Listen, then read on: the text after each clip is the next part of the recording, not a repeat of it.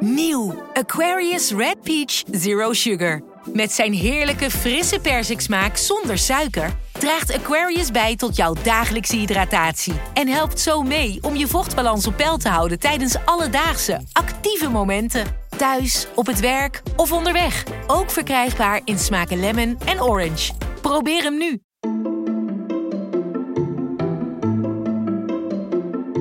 Welkom. Wij zijn Onbehaarde Apen. Dit is een podcast van NRC over wetenschap.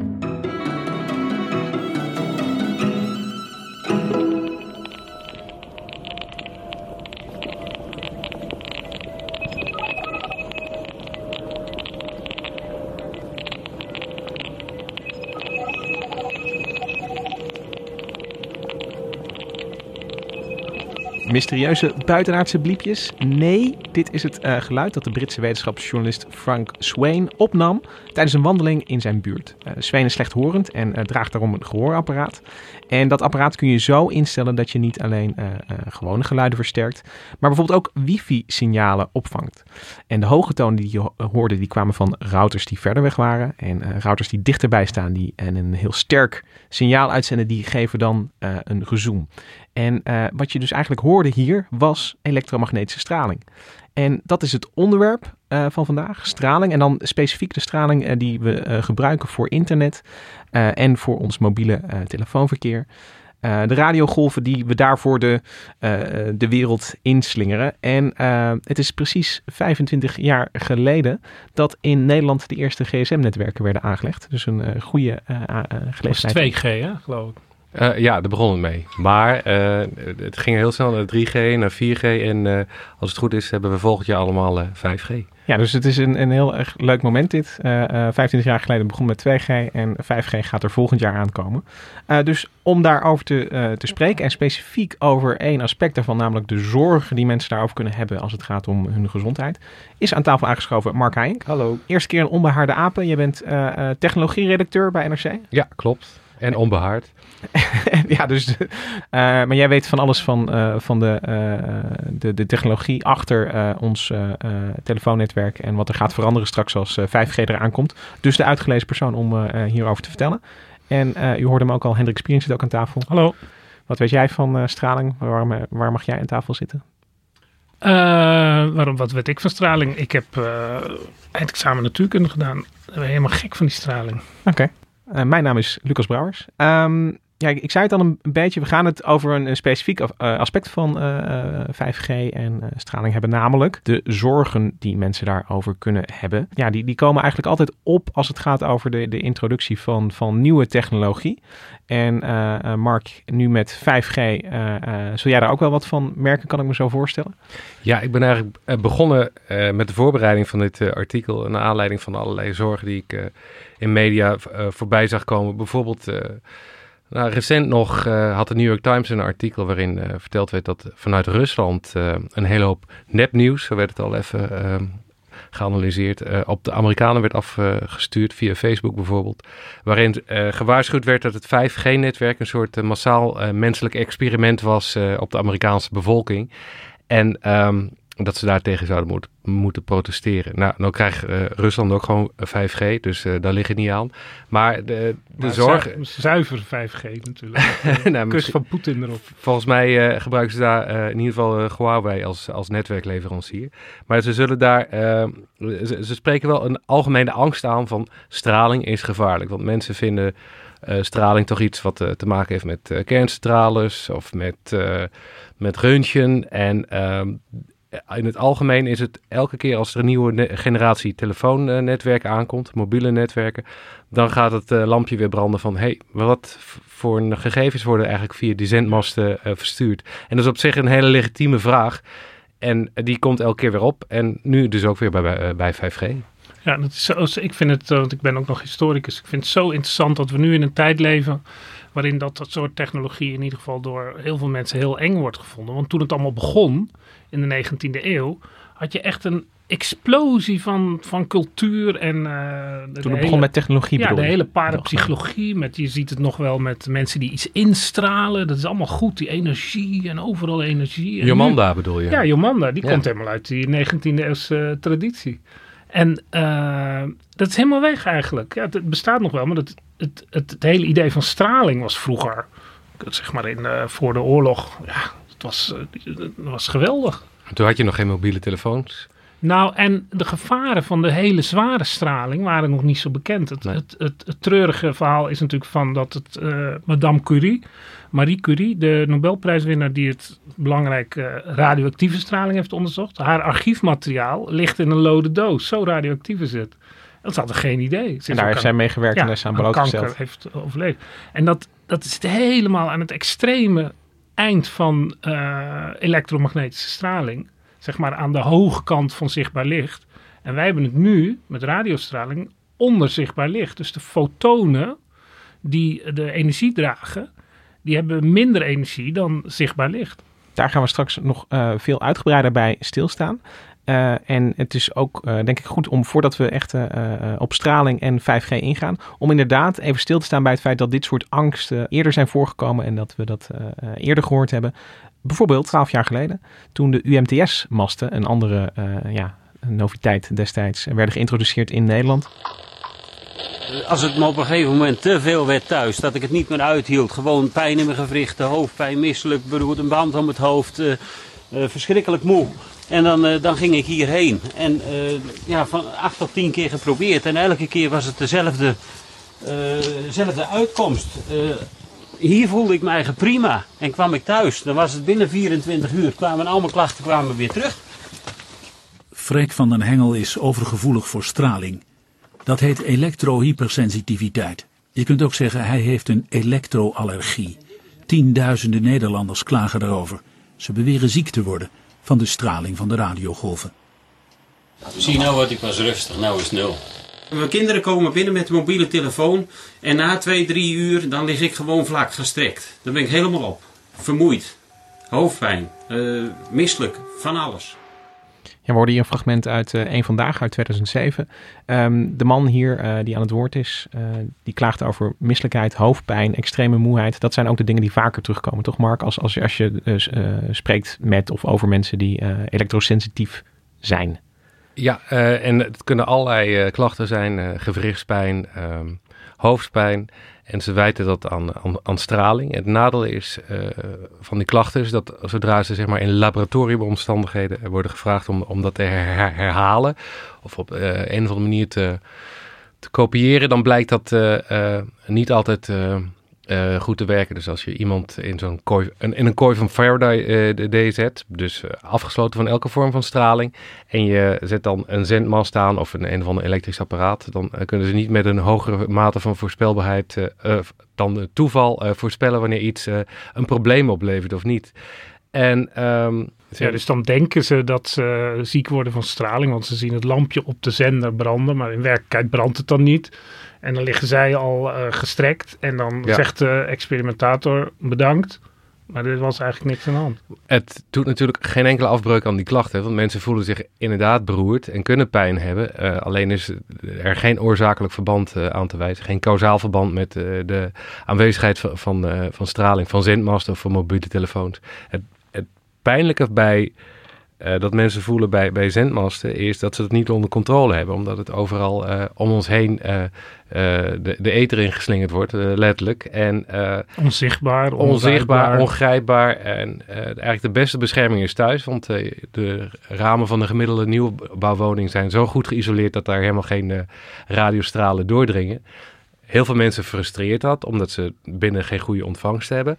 Andere mensen die zouden ja, daar juist blij mee kunnen zijn, omdat ze dan in ieder geval het gevoel hebben dat ze minder klachten daardoor eh, krijgen. Ja, want het voelt natuurlijk als een soort inbreuk dat die, eh, ja, die straling kun je niet ontwijken of ontlopen. Dus zodra je naar buiten gaat, dan word je er in principe al aan blootgesteld. Dus als je eh, elektrosensitief bent, zoals dat dan heet, dan, dan heb je een probleem. Want die straling is overal. Ja, Ja, het is dus ook een soort machtsverschil wat die mensen voelen.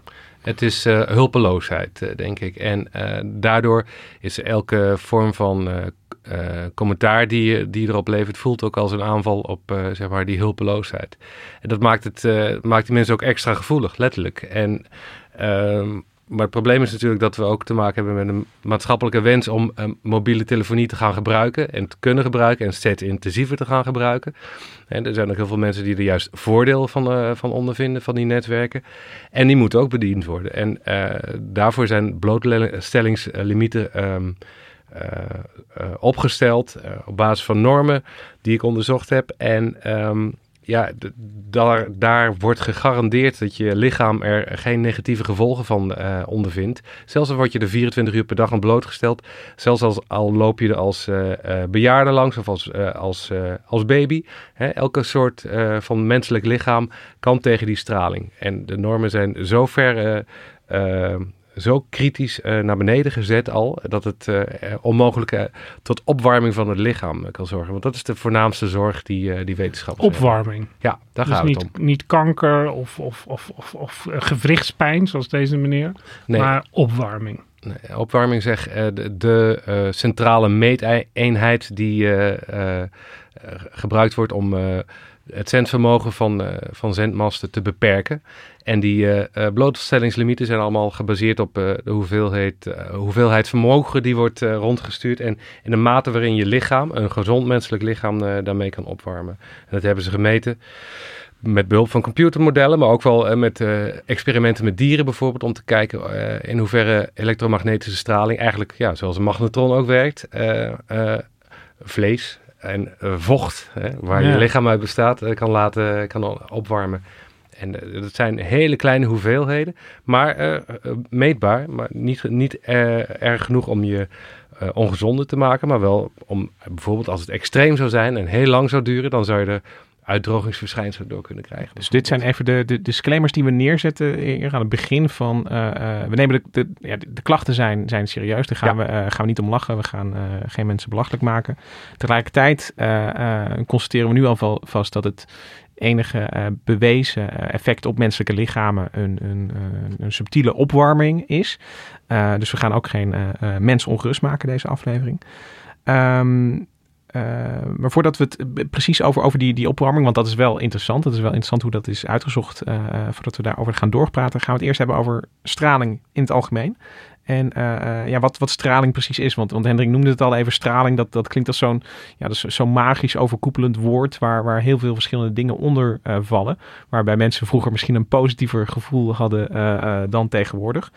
Um, maar als we het over elektromagnetische straling hebben, dat, daar zitten uh, hele uh, verschillende beestjes gaan daar onder schaal, onder die, onder die paraplu. En wat ik wel, je, je, had twee weken geleden een, een, een stuk voor NRC Mark en er stond een, een, een, mooie graphic bij waar je die, de hele stralingsrange Ja, het complete spectrum, zoals ze het dan ja. noemen. Kun je ons een beetje meenemen in, in dat spectrum met, met ja, waar we beginnen, wat de toepassingen zijn en wat de eigenschappen van de straling zijn die daar dan, dan bij Zullen we dan bovenin beginnen of onderin? Ja, nou, ik ben geneigd om onderin te beginnen, want uh, daar, daar, loop je eigenlijk het eerst tegenaan, letterlijk. Want uh, er zijn de hoogspanningsmasten, waar je uh, rond de 50 hertz al een, een straling kan voelen, elektromagnetische straling. En daarvan zijn, is zelfs met onderzoeken aangetoond dat er mogelijk een relatie ligt met het, mensen die daar in de buurt wonen en kinderen die daar in de buurt wonen en later uh, leukemie kunnen krijgen. Ja, dat is een opvallende correlatie waar nog verder, ja, meer weten we er nog niet van, geloof ik. Nee, dat is natuurlijk altijd het probleem met dit soort onderzoek is dat je um, heel moeilijk uh, A en B testen kan, kan houden. Van zeggen, deze mensen wonen dicht bij een uh, hoogspanningsmast en onder exact dezelfde omstandigheden woonde deze controlegroep niet onder een hoog, uh, hoogspanningsmast. En toch uh, is er, en naar aanleiding eigenlijk van, van die uh, onderzoeken, um, een voorzorgsmaatregel genomen dat bijvoorbeeld geen scholen en kinderopvangen meer gebouwd worden in de buurt van, van een hoogspanningsmast. En maar dat is echt voorzorg. Het is, ja. het is niet een vastgestelde oorzakelijkheid. Nee. Ook met proefdieren en wat dan ook. Maar er is een soort, als je naar de statistiek kijkt, dan zie je een verband. Maar hoe dat precies zit. Ja, Het is ook niet zo dat mensen met leukemie eerder bij zo'n mast gaan wonen. Dat, dat is ook niet echt waarschijnlijk. Maar nee. ja. Maar, eh, de, en er is nog een belangrijke voorzorgsmaatregel regel die genomen is. En die kun je echt daadwerkelijk zien. Is dat de nieuwe generatie hoogspanningsmasten een stuk hoger is. En dus veel meer, minder straling uitstraalt.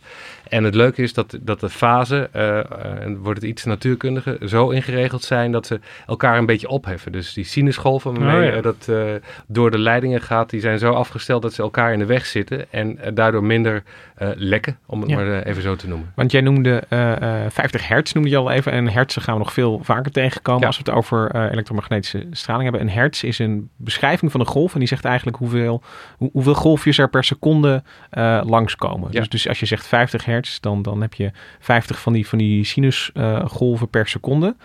Eh, en, en dat is nog heel, heel laag. We kunnen nog eh, veel Ja. hoger. Want als we bijvoorbeeld eh, de, een van de meest gebruikte eh, frequenties eh, die in je broekzak zit, dat is eh, dus mobiele telefoon, dan zit je rond de, de 800 en de 900 eh, megahertz. Straks ook de 700 megahertz. En eh, dat zijn stralingen die bijvoorbeeld heel goed doordringen in huizen, maar ook in treinen. Of eh, ehm, die, die, dat zijn een beetje de bastonen onder, eh, onder de mobiele netwerken. Die dreunen lekker, die komen ver. Het nadeel is dat je via die technologie wat minder data kan versturen. Maar het is wel heel goed om mensen in een grote regio te bereiken. Maar je moet dus wel, je hebt het nu over dreunen, maar het is elektromagnetische straling. Het is Ja. geen geluid. Nee, het is, het is geen, geen geluid. infrageluid van Maar 50 het- hertz. toch de karaktereigenschappen lijken enigszins op, eh, op die van geluid. Als je bijvoorbeeld een, een slag hoger gaat, dus de, de frequenties worden hoger, dan zie je ook dat ze minder ver komen. En dat merk je bijvoorbeeld ook bij een popconcert. Als je dan eh, eh, op afstand staat, eh, in het stadion naast je, of eh, een auto die voorbij rijdt, eh, zo'n golfje met eh, één grote speaker erin, hoor je al eigenlijk alleen maar het gedreun. En de, de, de, de hoge tonen die...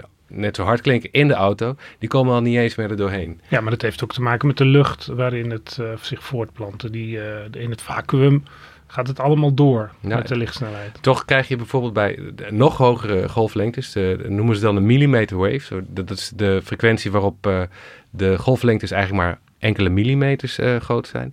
Krijg je het effect dat die ehm, al binnen twee meter de helft van zijn kracht eh, verliest. Je ziet dat hij heel, heel weinig, eh, eigenlijk gedraagt zich dat ook als, als, als licht inderdaad. We, we zitten nu, eh, je, je, we zijn al van hertz naar megahertz gegaan. Dus we hebben al een Ja, ja, en- flinke en- sprong gemaakt. En wat ik net beschreef, de, de millimeter wave, dat is eigenlijk al gigahertz. Dan zit je al 26 gigahertz. Dat wordt nu nog niet geveild in Nederland. Maar zou, in de toekomst zou het gebruikt kunnen worden om, ja, dat noemen ze dan... small cells te bedienen. Eh, kleine, kleine antennes die eh, een eh, hele grote ehm, hoeveelheid data kunnen versturen op die grote, ehm, op die hogere bandbreedtes. En de reden is niet dat het een hele bijzondere bandbreedte is, maar omdat er verder weinig te vinden is. Dus er zit niet zoveel in de weg. En daar kunnen ze dus eh, veel meer bandbreedte toewijzen per gebruiker. En dan eh, nou, me- meer megabits. En dat is in feite het doel wat de providers hebben. Meer bits per hertz. Dat, dat maakt een systeem efficiënt. Dus het, het bereik waar we, eh, waar we nu over, over hebben gehad en, en, en, en hoe we daar informatie mee naar elkaar proberen te sturen, dit is allemaal in het, eh, wat, wat we nog radiogolven noemen. En dat, dat, dat is gewoon de, de, eh, ja, de golflengte en, en de frequenties waar we het over hebben, dat, dat, dat zijn dan radiogolven, toch? Ja, Mark? klopt. Ja. en dat tikt aan tegen het verre infrarood. Als ik nu op mijn eh, tabelletje kijk wat ik heb meegenomen, dan zie je dat 1 millimeter. Dat is dus 300 gigahertz. Daar is 5G nog lang niet. Ja, dus, dus nu zijn we van, van radiogolven in het, in het domein van het, van het licht komen we bij. Ja, nou ja, licht. Dat, dat, als je met natuurkundigen praat, die noemen alles licht. Ja. Van, van alle elektromagnetische straling is allemaal licht. Ja. En wij zijn natuurlijk door onze eh, beperkingen Ja. van... eh, dit is zeg maar de eerste straling die we echt goed kunnen waarnemen, namelijk infrarood. Dat voel je. Als je, als je rondom een vuur gaat zitten, dan voel je die enorme infraroodstraling die dus dingen opwarmt, omdat die de, de, de, de moleculen Kan laten trillen. dat kan laten trillen. Want warmte is niks anders dan de snelheid waarmee moleculen trillen. Ja. Dus die eh, frequentie die past daarop en die tikt er dan precies op de goede manier tegenaan. En daardoor warmt het op. Dat Ja, is dus- dus, dus we hebben heel een- anders trouwens dan die microwave oven. Dat is een ander systeem. Maar dit is direct wat we voelen als het straalt warmte uit. Nee, het straalt, ja, ik kan zeggen het straalt warmte uit, maar het straalt infrarood. Het is elektromagnetische straling. Ja, dus we hebben nu hebben we het over, over straling die we al, al kunnen, kunnen voelen met, Met, onze, huid. Met ja. onze mensenlijven eigenlijk. Ja. En, en eh, als we bij infrarood zijn, dan, dan eh, eh, kom je natuurlijk eh, eh, al snel bij het zichtbare licht, bij dat- het echte dan, dan rode tik je licht. over naar het, eh, naar het gewone rood. Ja, ik, ik zit nog even te denken over die hi-fi opmerking, maar dat is eh, inderdaad rood licht en dat zit ergens in de nanometers. Dan heb je nog Ja. kleinere eh, golflengtes. Maar nu zijn we dus eh, wandelen van, van infrarood licht, het, het, het zichtbare spectrum in. Eh, eh, dan kom je eerst bij, bij rood licht aan. En en dan, dan krijg je eigenlijk de regenboog die je gewoon Ja. die, die je kan zien in de lucht. Die krijg je ook, die, die, die vind je dan ook terug in, de, in dat spectrum. De, de, de golflengtes worden, worden steeds kleiner. Ja, Dus- dat dus is heel de- bekend. De, de golven komen dichter op elkaar te zitten. Ja. En, dan, en dan ga je van rood naar geel, naar groen, naar blauw. Daar Ja, voelen we ons totaal in thuis. En Ja. het schijnt ook zo te zijn dat eh, als je dus naar die hogere... eh, ik denk dat er maar weinig mensen zijn die, die een verband leggen tussen de, de warmte die ze op hun huid voelen en het rode licht. Maar dat loopt gewoon zachtjes in elkaar over. En nu komen we in de ioniserende straling. Dat is echt, daar moet je van wegblijven. Rennen mensen. Eh, dat is waardoor je huid kan verbranden, ultraviolet, dat weten de mensen wel. Het is wel eh, goed om even langer stil te staan bij dat begrip ioniserende eh, straling. Want, want waar we het tot nu toe over hebben gehad was niet ioniserende straling. Eh, en wat, dat, wat, wat een ion is, dat, dat is in, in, feite wat er dan... Je zei net, die, dat, ultra, dat infrarode licht kan moleculen laten trillen. En wat er met ioniserende straling gebeurt, is dat er een, een, eh, eh, eh, iets, een, een, een, een ion ontstaat. een een ele- elektron. elektron wordt aangetikt en schiet weg. Ja. En, en dan heb je ineens een, een molecuul dat, dat een elektron mist. En wat chemisch ineens heel anders actief wordt. Ja, het, het, het gevaar is als er, en dat heet dan radicalen ontstaan in het, in het lichaam. Dat is dan bijvoorbeeld een, een zuurstofatoom dat dan dat, dat, dat, dat nog een elektron over heeft. En, en dat, dat gaat dan op zoek naar een ander molecuul om, om, om een elektron van af te slurpen. En dan, dan krijg je een soort cascade van, van, van chemische reacties. En dan kun je dus ook schade krijgen in Ja, de cel. verbranding. Dat kan je gewoon zien op je huid. Ultraviolet. Dat leidt tot verbranding. En heeft het ook te maken met die energetische waarde Ja, van, van, ja, de- van de natuurlijk. straling? Want Ja. het is natuurlijk veel. eh, die, die, dat, want wij vertellen het over golven, maar eh, licht heeft ook een, een, een, een deeltjesverschijnsel. Daar, gaan we, daar maken we nog een keer een aparte aflevering van. Dat licht zowel golf als deeltje is. Maar dat deeltje zelf, die foton, die is energierijker of niet. En dat bepaalt de kracht waarmee die op zijn molecuul botst. Wat dat betreft is het gewoon eh botsautootjes. Ja.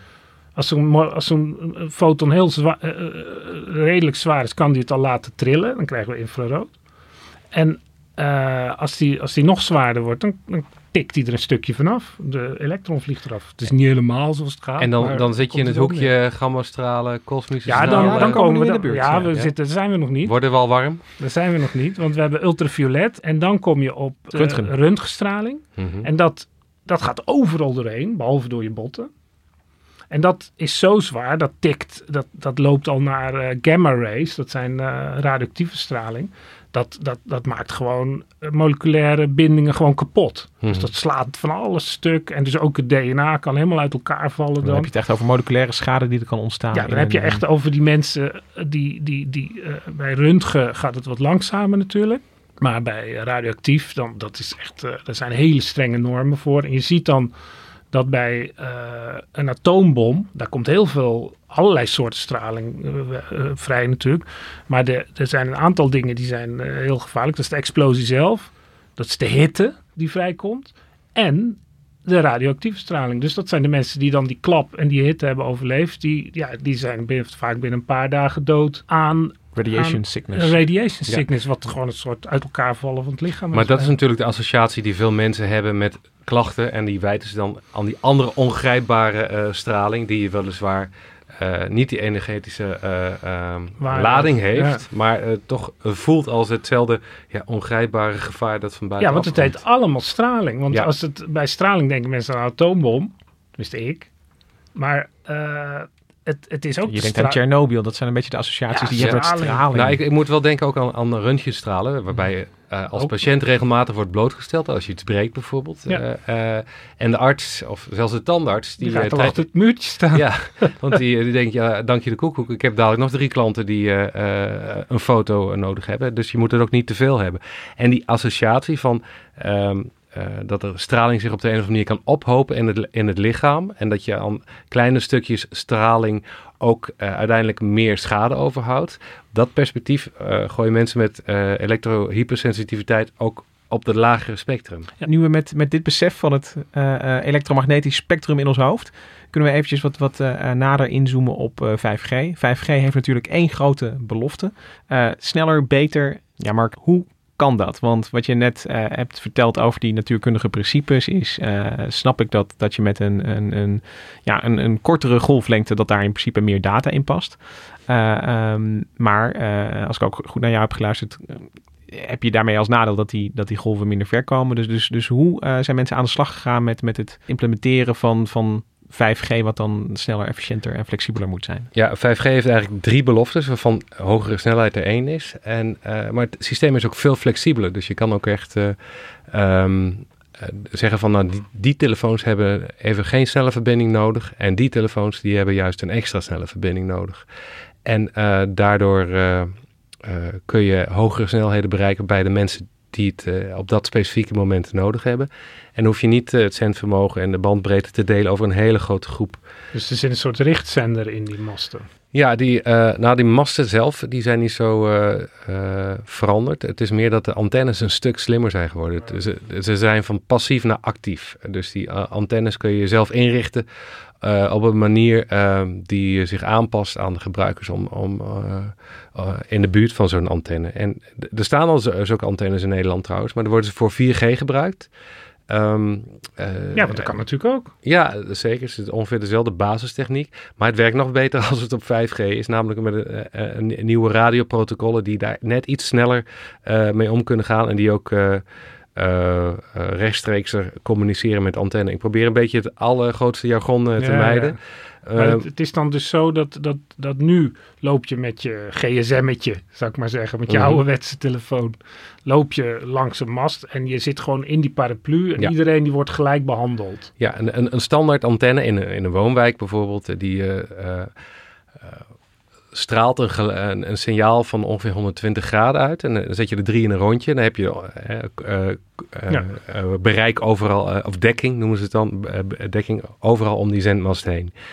En um, dat is natuurlijk niet zo'n efficiënt systeem, omdat niet iedereen op hetzelfde moment evenveel hey, behoefte je, heeft aan, je zendt aan data. naar een grasveld ja. uit waar niemand is. Precies. En uh, wat de provider het liefst wil, is zoveel mogelijk bandbreedte toewijzen aan de mensen die het op dat moment nodig hebben. En als je die uh, frequentie uh, richt op de persoon die het nodig heeft en niet op, de, op zijn buurman of buurvrouw, dan kun je diezelfde frequentie kun je een paar uh, graden uh, verderop weer opnieuw gebruiken. Oh, ja, en dat maakt het systeem uh, efficiënter. Hyper efficiënt natuurlijk, als ja. het lukt tenminste.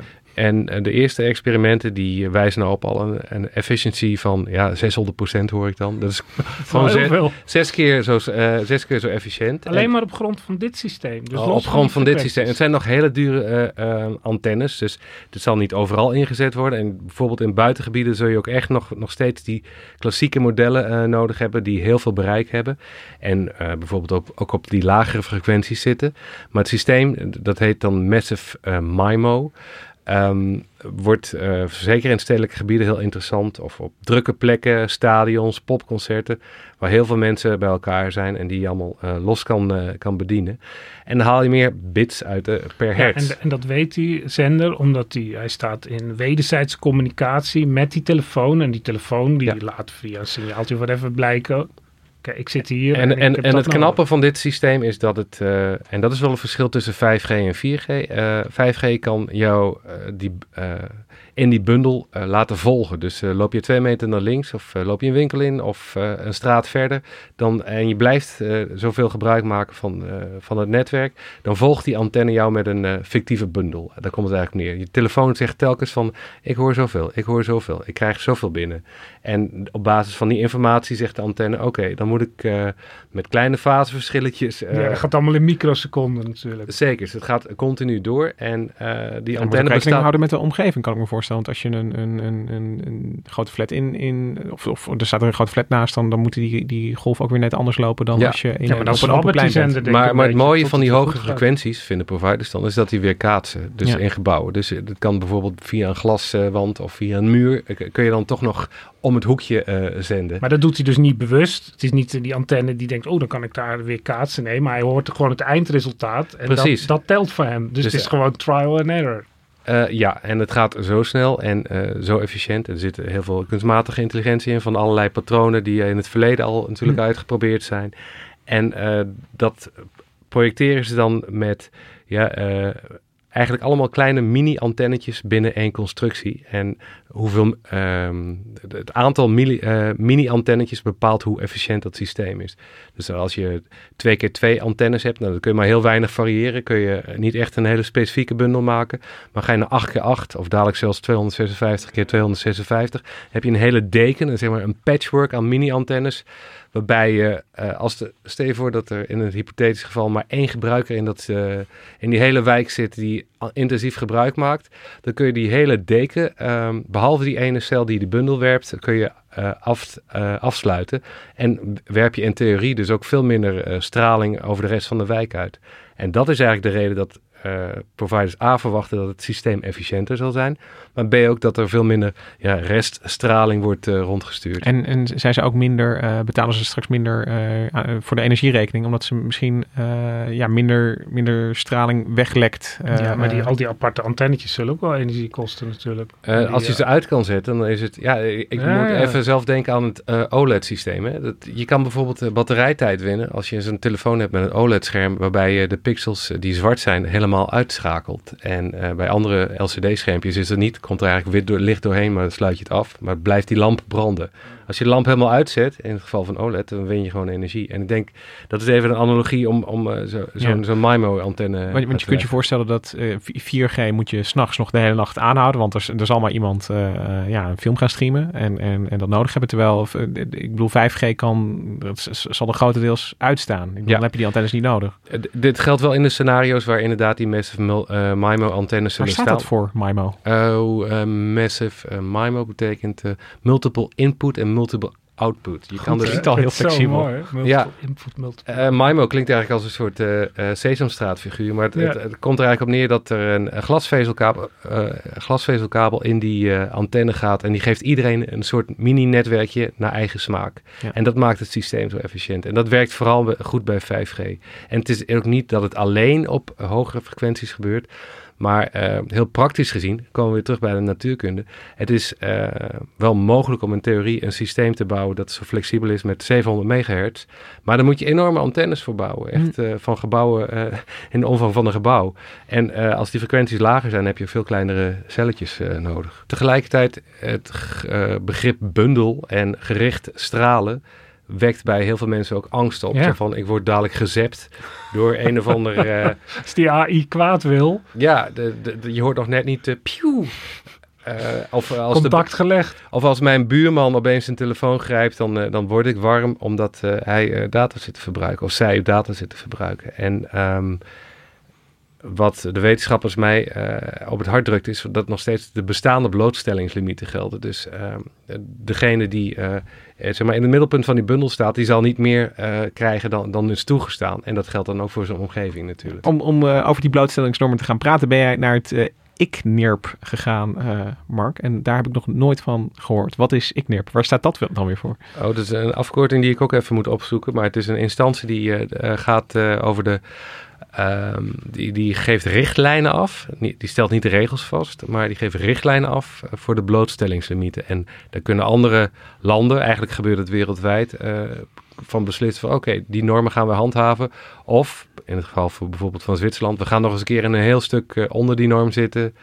Um, en de, Nederland heeft besloten om vanaf dit najaar die ICNIRP-norm uh, of sorry, de ICNIRP-richtlijn ook uh, daadwerkelijk in een telecomwet te gaan opnemen. Dus het wordt een harde eis. Uh, providers die netwerken gaan bouwen, moeten zich aan de regels houden. Ik heb hier op een papiertje staan wat het ICNIRP is. Dat is de International Commission on Non-Ionizing Radiation Protection. Ja, nou dan kom je weer en bij is dat. dan van de VN of zo? Of, Nee, het is een groep wetenschappers die onafhankelijk um, opereert en onderzoek doet. En eigenlijk heel veel onderzoeken leest ook. En het zijn uh, de man die ik sprak is een radiobioloog, een Nederlander. Maar er zitten ook uh, allerlei kankerspecialisten bij. Er zitten psychologen bij die kijken naar de effecten van, uh, elektromagnetische velden op, op de psyche van de mens. En zo hebben ze een heel, uh, ja, hoe noem je het? Een soort mengelmoes van, ja, van wetenschappers Multidisciplinair. verzameld. Ja, die echt van allerlei kanten naar dit probleem kijken. Ja, en je hebt daar gesproken met, met Erik van Rongen. Dat is die radiobioloog, denk ik, die je net, net noemde. Ja. En ja, die kan ook iets vertellen over dat enige effect. Ehm, wat we weten dat op kan treden met, met radiogolven ja, nou, het is niet het enige effect dat optreedt. Het is het enige effect wat uh, meetbaar is. Hm. En uh, ICNIRP kijkt ook naar uh, andere effecten. Alleen die doen zich pas voor op een niveau dat veel meer vermogen vergt.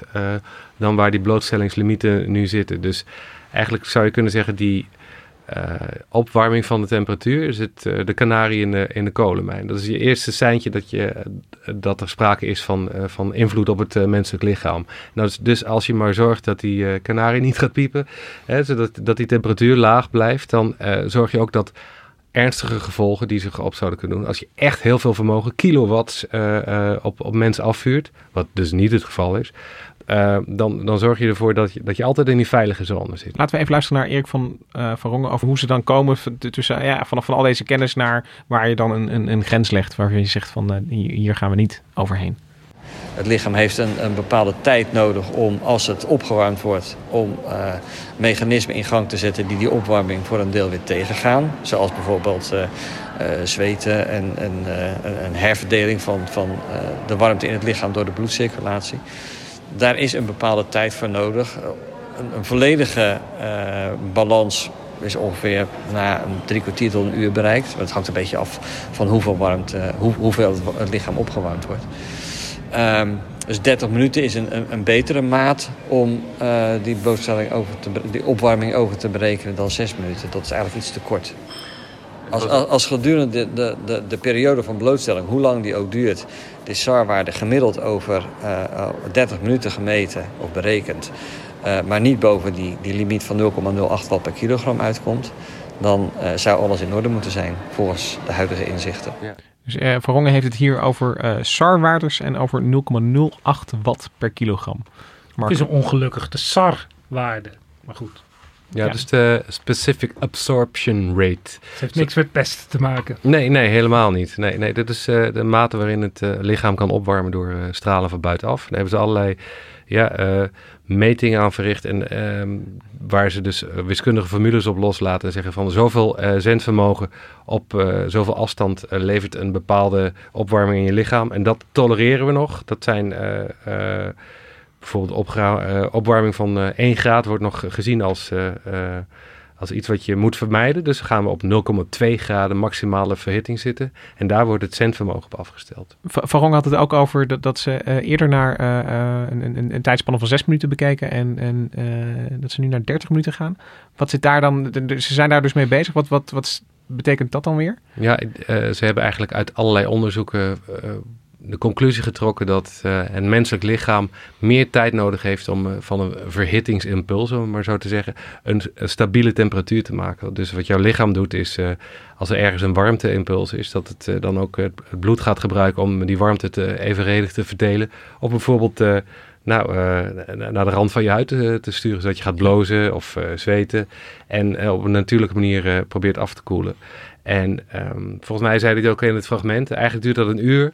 Maar uh, dat zou te lang zijn. We, we, doen het op een half uur. Dus uh, dan is er een redelijk stabiele situatie bereikt. En kun je zeggen van, nou dit is een, uh, een, een, een goed meetpunt om de hoeveelheid opwarming echt, echt vast te stellen. Het is dus niet zes minuten lang uh, opwarmen of blootstellen aan die straling. En nu 30 minuten, maar het is eenzelfde blootstelling. Maar dan wordt er eh, langer daarna doorgemeten. Ja. Hoe de toestand zich dan uiteindelijk uitpakt. Ja, want eigenlijk is de blootstelling natuurlijk continu. Hè? Want het hele model is erop gebaseerd dat je uh, non-stop uh, in het openbaar aan die, um, ja, ja, het is een, mm, ja, ja. Aan, die, aan die zendmasten wordt blootgesteld. Ja, dus je, je, je zit ergens, je begint bij het effect in het menselijk lichaam. Je zegt van, van 1 graden uh, opwarming, dat willen we vermijden. Ja. Dus je gaat dan al een factor 5 omlaag. En dan, en dan neem je nog een factor om er, om er zeker van te zijn dat je niet daar in de buurt gaat komen. Ja, er zijn twee verschillende factoren.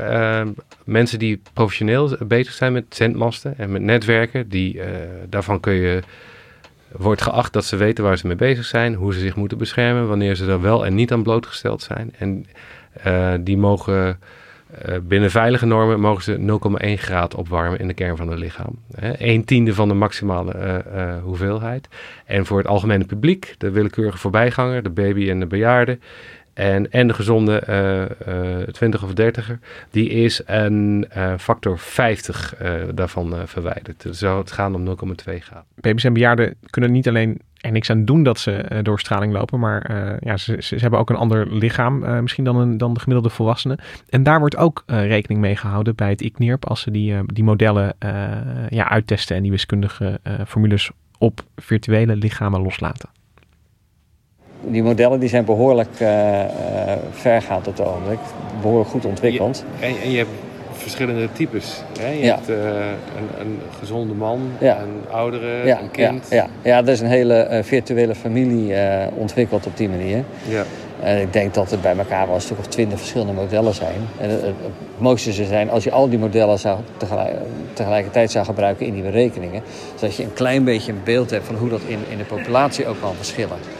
Want er zijn natuurlijk verschillen. Eh, ja, iedereen is verschillend. Elk mens heeft een verschillende postuur, verschillende grootte, uh, verschillende vetpercentages. Het is allemaal van belang voor uh, het, berekenen van hoe die energieopname in het lichaam is.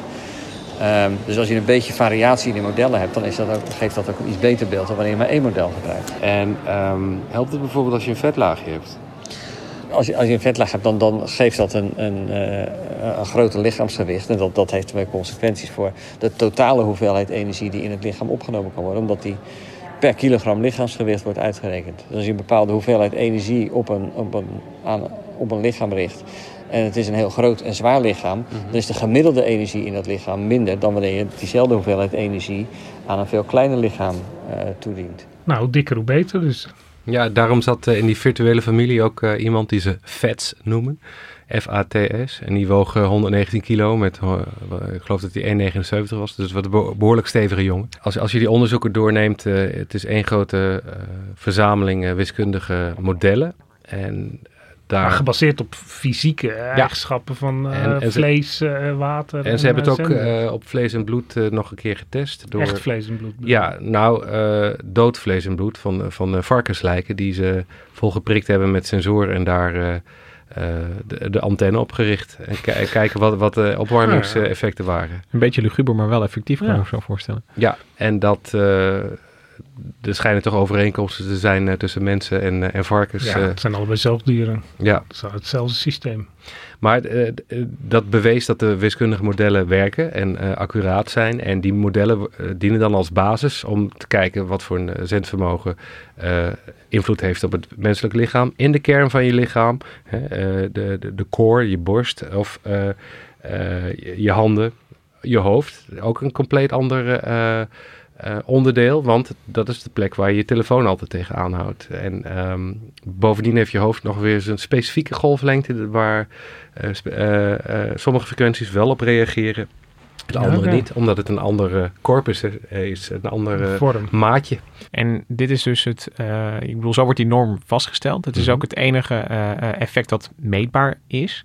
Uh, gaan ze bij dat ICNIRP ook uh, om met die klachten die we aan het, helemaal aan het begin van de aflevering uh, bespraken? Mensen die, die aangeven dat ze, dat ze hoofdpijn krijgen of misselijk worden. doen ze daar ook iets, iets mee bij ICNIRP? Of? Ja, dat is eigenlijk het, het grote dispuut dat tussen die twee smaken van interpretaties optreedt. Is dat het verwijt is dat het ICNIRP alleen maar kijkt naar temperatuurverschillen.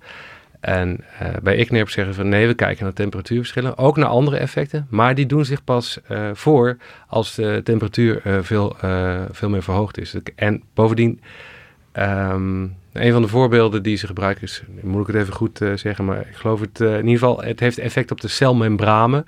En dat gebeurt pas zodra je heel grote vermogens erop los gaat laten. En die therapie wordt soms gebruikt bij kankerbehandelingen om tumoren te verhitten. te verhitten, of stuk te maken op de een of andere manier, af, uh, uh, ontvankelijker voor medicatie te maken. En uh, ja, dan gaat het echt om verhitting op specifieke plaatsen in het lichaam, waarbij de, de, temperaturen van 40 tot 42 graden gebruikt worden. En dat is heel wat anders dan de temperatuursverhoging waar we het hier over hebben. Hè. Ik geloof dat het normale lichaam van een gezond mens is 36,8 of zo, of rond de 37. Ja. ja dat zou dan tot 38 opgehoogd mogen worden. En, um, ja, en dan wordt dus een norm gemaakt. En dan wordt een, een norm gemaakt die daar een fractie van is. En dat krijg je op je af, uh, afgevuurd.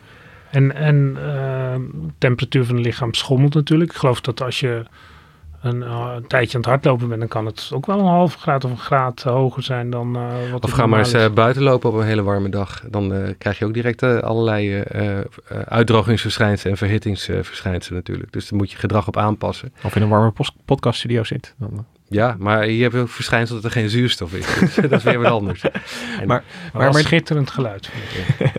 maar het, ik ben nog, ook nog wel benieuwd naar van, van jij als, als journalist kijk je natuurlijk naar en, en weet je wel, er komt zo'n nieuwe techniek en er is een instituut mee bezig. Aan de andere kant zijn er mensen die, die uh, zeggen dat ze zich niet uh, gehoord voelen. Um, uh, heb je daar, wat zijn je gedachten daarover? Vind jij, als je zo kijkt naar hoe die wetenschappers daarmee omgaan, dat ze wel uh, genoeg aandacht hebben voor, voor die klachten en, en dat er naar gekeken wordt van wat, wat kunnen we hiermee? Vind je dat een, een ja, als je er uh, als buitenstaander naar kijkt, een, een, een fair proces, wetenschappelijk gezien? Oeh, het zijn een hele hoop vragen tegelijk. Ik, ja, sorry. um, nee, ik ben voor mijn stuk begonnen met het vastleggen van de, de angst. Hè? De, de, de, het stuk begint ook met de, de 5G-onderbroek die zogenaamd verkocht uh, zou worden. Er wordt natuurlijk ook misbruik van gemaakt uh, in commerciële zin. Dat mensen allerlei beschermingsmethodes gaan, gaan, gaan, kopen of, of, of, of aannemen uh, die, die niks helpen.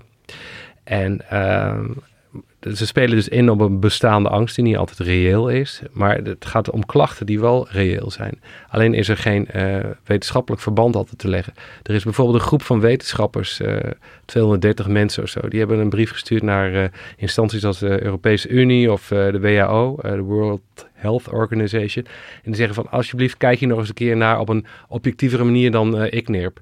Maar een van die ondertekenaars, is uh, meneer Hugo Schoneveld. Het is ook lezer van onze krant, meldde die, al 60 jaar. En uh, ook bioloog van achtergrond. Die gaf mij een, een, brief ook aan. Ja, er is nog geen wetenschappelijk bewijs gevonden dat die wat hij dan noemt de primaire effecten van uh, elektromagnetische straling uh, bewijst. En um, daarmee zeg je natuurlijk, ja, het gebrek aan bewijs is een teken van dat er wel iets moet zitten wat nog niet onderzocht is of niet voldoende onderzocht is. Ja, dat kun je niet. Ja, dat kun je altijd zeggen. Het is nog niet goed genoeg onderzocht. Precies. En zijn pleidooi was ook om te zeggen van we moeten voor uh, 5G zorgen dat we een soort parallel onderzoek hebben van, uh, net als bij die hoogspanningsmasten, van mensen die in de buurt van een 5G-zendmast wonen en mensen die niet in de buurt van een 5G-zendmast wonen. En dan over langere tijd, over jaren, misschien wel over decennia, om te kijken of, uh, of de gezondheidseffecten optreden. En, um, je zou ook nu kunnen kijken of er verschillen zijn. Want we hebben al leven al 25 jaar in die... Uh, ja, je moet kijken of mensen op de Veluwe langer leven. Dat is denk ik het beste. Want als er ergens een witte vlek is in Nederland, dan is het, uh, zeg maar, zijn het de grote natuurgebieden. Of we hadden het net over de Noordzee. Ja, maar er komt misschien ook meer fijn stof van al dat zand. En dan, dan weet je het nog niet. Ja, of enge wolven die toch niet veel zo... pannenkoeken. ja, we lachen erom. Maar je kan ook een... het is ontzettend moeilijk te onderzoeken natuurlijk. Ja, dat, dat, is, dat, is, dat is het probleem. Um, aan de andere kant... Want waarin onderscheiden die mensen zich met die elektrogevoeligheid van mensen die onbekommerd de hele dag telefoneren? Nee, eh, dat klopt. En het, de vraag is ook of je echt een goede onderzoeksgroep uh, kan samenstellen die ook niet blootgesteld wordt aan andere elektromagnetische stralen. Ja, ja.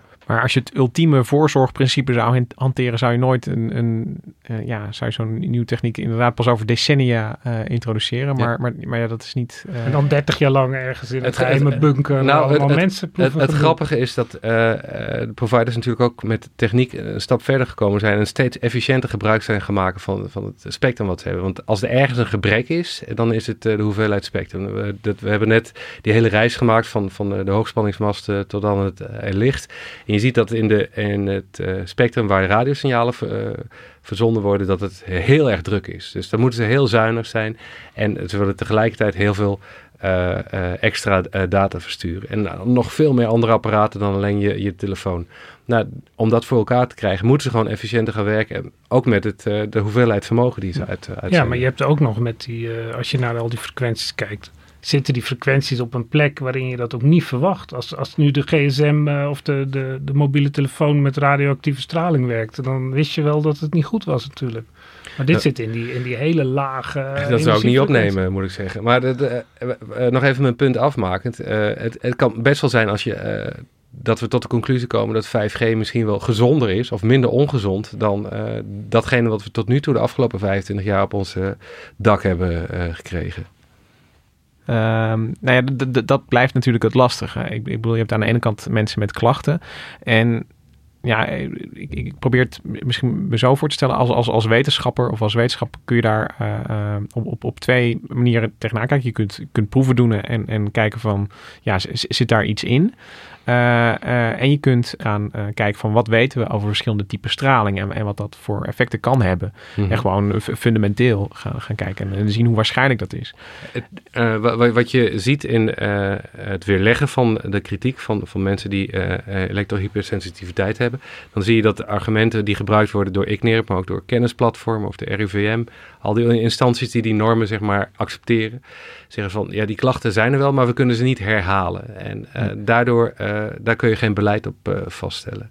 En dat, ehm, eh, dat hebben ze toch vertaald in die blootstellingslimieten zoals, we de, zoals die er nu zijn en waar we nu mee moeten dealen. En die ook gaan gelden voor 5G. Want deze blootstellingslimieten, die zijn eigenlijk al sinds 98, sinds ze begonnen zijn, eh, niet meer wezenlijk veranderd. En dat is wel bijzonder. Hè? We hadden het er net over dat die eh, gsm-netwerken nou 25 jaar in Nederland aan de gang zijn. Ja. Blijkbaar is er op lange termijn toch niet een, een of ander effect opgetreden waar, eh, waardoor we het helemaal anders moeten doen. Wat je wel ziet is dat de normen aangepast gaan worden, behalve dan die 30 minuten eh, spannen, eh, dat ze aangepast gaan worden voor de 26 gigahertz. Want dan willen ze toch, ook op basis van, van, van, van nieuwe kennis, eh, wil ICNIRP eh, het eh, opwarmen van de huid enigszins mee gaan tellen in hun berekeningen. Want tot nu toe was het, eh, de aanname altijd 26 gigahertz. Die millimeter wave, die hele kleine eh, golflengtes, die dringen helemaal niet door in je lichaam. Die kunnen je lichaam helemaal niet op, eh, opwarmen, want dat wordt allemaal door je huid weerkaatst. En eigenlijk is het algemeen in, bij de telecomproviders van hoe eh, hoger de frequentie, hoe minder eh, last mensen ervan hebben. Toch als je kijkt naar de onderzoeken, is er eh, toch reden geweest om een... in ieder geval bij de instantie die de mogelijke kankerverwekkende stoffen op een rijtje zet. Ja, want dat is een andere zorg Ja. altijd. Hè. Je hebt, je hebt de, eh, ja, de fysieke klachten, noem ik het maar even. Elektrosensitief zijn, hoofdpijn, misselijk zijn. eh, eh, nou ja, dat, dat soort li- lichamelijke ongemak. Mhm. En je hebt de angst voor, eh, voor kanker. Voor een, een, een gruwelijke ziekte die je misschien ja, da- daar van straling zou kunnen krijgen. Ja, en daar zijn geen bewijzen voor gevonden dat het niet zo is en geen bewijzen dat het wel zo is. Maar er toch zijn de aanwijzingen dat we ons daar zorgen over moeten maken. Ja, ik heb nog even nagekeken. De, de, de Hoe heet die instantie World ook alweer? Health Organization, die heeft daar een, dus een onderdeel van, die heeft dan een soort kankerinstituut, waar ik de naam even van vergeten ben. IARC was het. IARC, ja. En die hebben het eh, eh, bij groep 2b, possibly carcio, carcinogenic to humans. Dus mogelijk kankerverwekkend. Ja, maar daar wil ik wel iets Ja, over dat- zeggen. Want dat dat, dat, klinkt in het normaal Ja. eh, taalgebruik klinkt dat behoorlijk verontrustend. Als je zegt van dit is mogelijk kankerverwekkend. Als je mij een boterham eh, voorzet en je zegt eh, nou deze is mogelijk kankerverwekkend. Dan, dan laat ik hem staan. Dan wil ik hem vermijden. Maar wat, wat die organisatie daarmee bedoelt is eigenlijk een soort... Het is een soort eh, ja, inschatting voor ja, hoeveel bewijs voor of tegen is er Nou, nou, het, is, het precies. is zeg maar, je hebt eh, ook nog, er zijn vier groepen, gek genoeg. Je hebt groep 1, dat is eh, zeg maar waar je zeker van bent dat het kanker wordt. röntgenstraling bijvoorbeeld. En dan heb je groep 2a, dat is probably kankerverwekkend, dus waarschijnlijk. Daar zit bijvoorbeeld heel veel eh, nachtdiensten doen, zit daarin. Dus duidelijk verband is aangetoond. En dan heb je dus de groep waar eh, dan die, eh, die telefoonstraling in zit. eh 2b, dat is possibly. En dan heb je groep 3, waar ze zich waar ze zich geen zorgen over maken. Nee, dus, dus het enige wat je dus over die telefoonstraling kan zeggen... is dat het in ieder geval... Ja, er, er is geen heel sterk bewijs dat het niet zo is. Nee, maar er dat is is, ook geen... betekent dat er limited evidence is. Dus Ja. beperkte aanwijzingen, want evidence in het Engels is niet bewijs, maar aanwijzing. Ja. Dat is wel een belangrijk verschil. Ja. Dus er is beperkte aanwijzing dat het zo is. En toch wordt dit argument door die eh, ongeruste wetenschappers aangedragen van kijk, het staat op die lijst. Dus Ja. eh, eh, we zijn allemaal onderdeel van een groot experiment eh, dat de telecomproviders en de overheid op ons loslaten. Maar je had in, in jouw stuk noemde jij nog meer dingen die op lijst 2b staan. Waaronder eh, aloe vera eh, heb ik onthouden. En eh, eh, Ja, werken als timmerman. werk als timmerman. Ja, En eh, werken, ik dacht eerst dat het werken, of dat het droogtrobbel aandoen was, maar het is werken, werken in de stomerij als je de langdurige... dat is ook 2B. dat is ook Dat valt me 2B. nog mee. Want bijvoorbeeld kapper zijn, dat zit in 2A. Daar is eh, meer bewijs voor. Ja, Dus als je met, eh, als je met Vanwege die stoffen die ze dan... en shampoos en Ja. zo, zonder ammonia. Maar ik zag op een site van de Amerikaanse regering over kanker, zag ik nog twee interessante dingen. Dat eh, hersenkanker komt minder voor, terwijl het eigenlijk zou verwachten dat het vaker voorkomt. Want hoe ouder je wordt, Als je telefoons gebruikt, bedoel je? Of, nee, nee, gewoon, of gewoon eh, in het algemeen. Onder de hele bevolking. Ja, ja. Terwijl je het eigenlijk zou verwachten dat het... omdat- minder voor dan 20 jaar geleden. Ja, je, dat of- neemt iets af. Ja. Ook weer niet enorm, maar het neemt wel iets af. Dus als, er wordt zoveel telefoon gebruikt, ook in Amerika, dan zou je toch wel verwachten dat het niet, niet zou afnemen in ieder geval. En wat, wat ik ook wel een onnuchterend vind, is dat het gevaarlijkste gezondheidsrisico eh, die wat geassocieerd wordt met de mobiele telefoon is eh, rijden terwijl je op je telefoon Oh ja, nou, wat dat betreft eh, is het een heel actueel thema. Want als iets echt gevaarlijk is, is het appen op de fiets. Want dan maak je je kwetsbaar en je rijdt de sloot in of tegen een auto aan. En het wordt nou ook verboden. Vanaf 1 juli, je kunt Ja. een flinke boete krijgen volgens Dus mij. 25 jaar na de introductie van het gsm-netwerk ga- gaan ze er eindelijk verstandig mee om, zou je kunnen, kunnen zeggen. Ik vind het wel ook wel mooi dat we hierbij bij het grootste gezondheidsrisico helemaal aan het einde van de aflevering eh, eigenlijk onthullen. En dat is, eh, die ligt een stuk dichter bij je eigen Ja. gedrag dan... eh, eh, Ja, maar toch, toch gaat het daar om gedrag dat je zelf kan beïnvloeden. Ja, dat je zelf in de hand hebt. Ja. En daar eh, eh, Er hoeft niemand mij iets over te vertellen. Precies, en eh, dat, dat is je eigen fout. En eh, dat gevoel van onmacht, hè, die hulpeloosheid waar we het in het begin over hadden, dat blijft natuurlijk gelden voor iedereen die zich benadeeld voelt door, door extra zendmasten of een nieuw soort zendmasten. En ik denk dat we ook met deze aflevering die zorgen niet hebben kunnen wegnemen. Maar ik hoop wel dat we, eh, dat, ja, dat we toch heel mooi hebben kunnen laten zien wat, het, eh, wat 5G is. eh, eh, wat, het, eh, wat we zeker weten dat het doet. En eh, wat het waarschijnlijk niet doet. En daarmee zijn we aan het einde gekomen van deze aflevering. Volgende week hebben we nog één aflevering voordat we de eh, zomerslaap ingaan. Eh, dus eh, luister volgende week weer. Mark Heink, bedankt dat je bent aangeschoven om te komen vertellen over 5G. Misha Melita, bedankt voor de productie. En Hendrik Spiering, bedankt. Ja, ehm, ik moet nog een fout herstellen van vorige week. Ja, je hebt een foutje gemaakt. Ja, over Frans de Waal. Een, een foutje, een vergissing, een, een, een verwarring. Ik begrijp eigenlijk ook niet waarom, want ik heb Jan van Hoof, daarin heb ik me vergist, eh, best vaak gesproken. ik heb zijn telefoonnummer eh, in mijn zak zitten. Maar ehm, Jij noemde hem ik- anders in de ik aflevering. noemde hem Anton van Hoof en dat Ja. is zijn broer, de directeur van het... eh, Van Burgersoop. ja, die Ja. ik eigenlijk helemaal niet zo goed ken. Dus waarom ik nou Anton zei de hele tijd in plaats van Jan van Hoof. Maar het, ik heb dus, het gaat om Jan van Hoof. Die mama eh ontmoette en die de leermeester is van, eh, van Frans de Waal. En niet Anton van Hoof. Hij is wel betrokken, maar niet eh, de persoon waar het om gaat. Nee. Dus luisteraar, als je nog eh, eh, de aflevering over emoties moet luisteren, ga dat dan doen met dit in het achterhoofd. Overal waar je Anton van Hoof hoort, moet je Jan van Hoof denken. Tot volgende week.